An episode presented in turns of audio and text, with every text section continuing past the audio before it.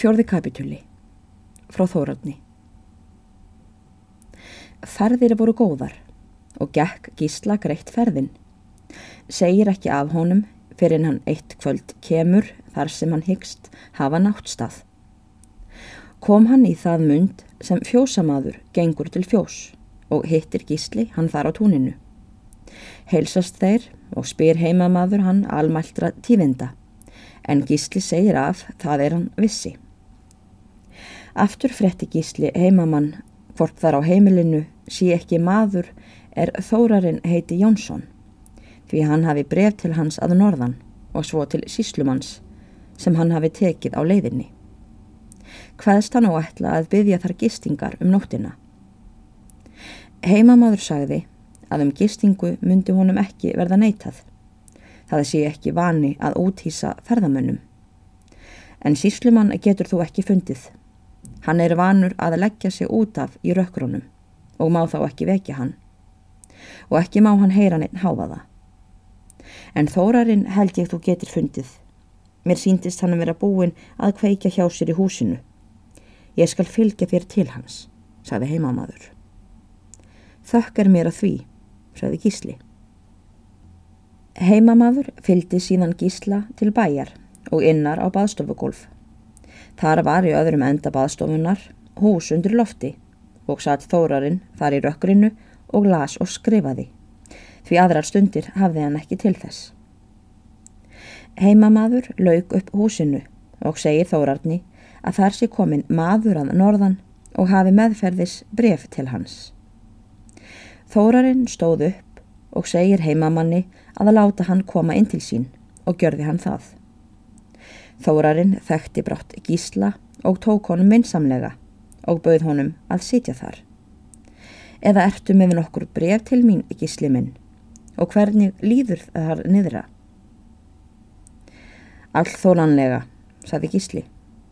Ef þau er ekki tínt, það áttu þér að eiga einhver staðar hjá mér tvö bref og til síslumannsins eru tvö, en annað tók ég á leiðinni, hittir frá honum má ég yðar. Gísli tók nú að leysa frá póka sínum og varð honum það ógreitt því bundið var með snæri og allmikið fjötraður. En frost hafði verið um daginn og voru hnútar harðir og óþjálkir og var gísli bæði að neyta handa og tanna að leysa þá. En er því var lokið, dregur hann úr öðrum enda pókans skjóðu eigi all stóra. Var hún og vel um búin og stóð enn nokkra stund á að opna hana. En það fannst þórarni hver stund er hann beigð eftir brefunum tvöfalt lengri en hún var í rauninni. Svo hlakkaðan til að fá fréttir og bref úr áttugum sínum. Loks var gísli búin að ringa um skjóðuopið. Hellir hann þá brefunum á knísjér og fer að kanna þau, eins og þegar smali ætlar að taka frá einhverja aðkomukind. Þórarinn stóð þar nærri og ætlar að hafa hönd á með gísla. En er gísli var þess var, segir hann. Ég skal fá yfir þau, lofið þér mér að leita. Hver er sínum hnútum kunnugastur, segir hann meistari Jón. Ég vil ætið vita, elskulegur, hvað ég afhendi. Hérna, sjáu þér, það er brefið sem ég tók á leiðinni til síslumannsins. Það er auðþægt, því það er á engu brefi sem ég hef eins stort lakk.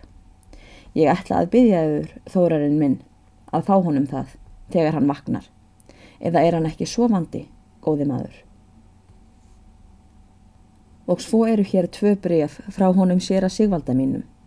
Annað til yðar og annað til síslumannsins. Ég batt rauðum spotta. Hvar eru þau nú? Utanum þau. Þarna er eitt hvað sem bundið við utanum rauður endi, sagði Þórarinn. Jæja, takið þér þau.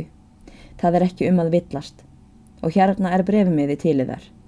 Hann tók ég á leiðinni, en ekki er það mér að kenna þó hann sé svona útlítandi og kvólaður. Hann var svona þegar mér var fengið hann og sást varla á honum hverjan. Og nú eigi þér að eiga eitt eftir hjá mér, hvar sem það er nú.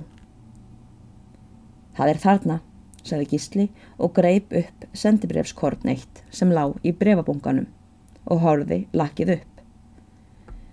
Það er það, rétt er það, með svörstu lakki.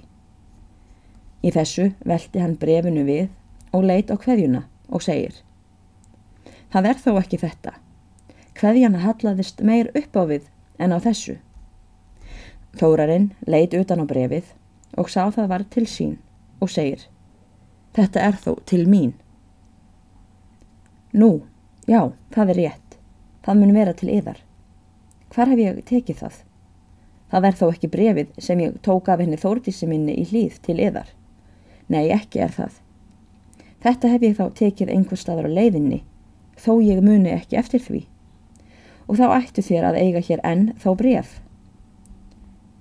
Síðan leitaði gísli af nýju í öllum brefunum, en hverki fann hann eitt bref með svörtu lakki og hallari utanáskrift. Verður honum nokkuð byllt við og segir við þórarinn. Leiti þér nú sjálfur í brefunum, þórarinn minn. Ég get ekki fundið fleiri bref til í þar. Þórarinn gjörði það og fann ekki heldur en gísli. Segir þá gísli að það verði þá að vera þetta bref sem hann hafi tekið í hlýð, þó hann kannist ekki við það. Hvernig á því standi að kvorki sér hveðjan að því höll eða bleklessa á neðra hornin á því eins og sé minni að hafi átt að vera á því sem hann tók í hlýð og sé þetta bref þaðan, þá munir það vera misminni sitt. Þórarinn hvaðst brátt skuli gjöra enda á allri þrætu og sjá hvaðan brefið sé. Opnar hann það og sér undir eins að það er frá Þórdísi í líð. Segir hann þá gísla og lætur hann sér það við linda. Þórarinn líkur upp litlu skáburði sem þar var í herbergi hans og leggur bref sín þar niður. Síðan spyr hann gísla frétta og byður hann síðan koma með sér í baðstofuloft og segir hann vinnukonum að það taka við gísla og annarst skófut hans. Eftir það gengur þórarinn aftur til herbergi síns og fer að lesa brefin. Bref sér að Sigvalda var all þægilegt. Getur prestur þess í því að þó að þeir máar hefðu skilði stýttingi er þeir fundust og sitt hefði sínst kvorum, vildi hann ekki fyrir sitt leiti erfa það, eða máksamtir þeirra væru ekki góðar eftir sem áður. Hitt og þetta var til tingt í fréttum, eins og venjar til í brefum, er fara kunningi á milli. Það var einn kabli í brefi prests. Umskipti urðu hér í hlýð, Sigurður bóndi lagðist, skömmu eftir að þú varst farin söður í haust lá ekki lengi og er fyrir tímanlegan dauða burt kallaður þremur dögum fyrir Martinsmessu. Margur má með réttu hans sakna. Hann var ætið fremðsemdar maður og stóð mörgum fremur í skilum við prest og kirkju. Ekki hans þórdís heldur vist áfram búskap og sagt er að þángað fari í vor aftur Egil Grímsson, líklega sem hennar fyrirvinna, etc læt svo hér um úttalað. Þórarni þóttu þetta all kynlegar frettir, en hugðist myndi fá allt greinilegra um þetta í brefum þeirra fóstra í hlýð.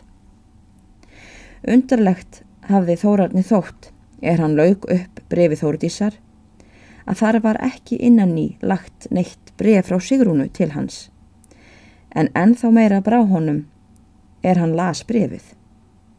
Sá hann af því hvernig ráðamátti dilgjur þær sem voru í brefi Sigvalda, prests Máksins.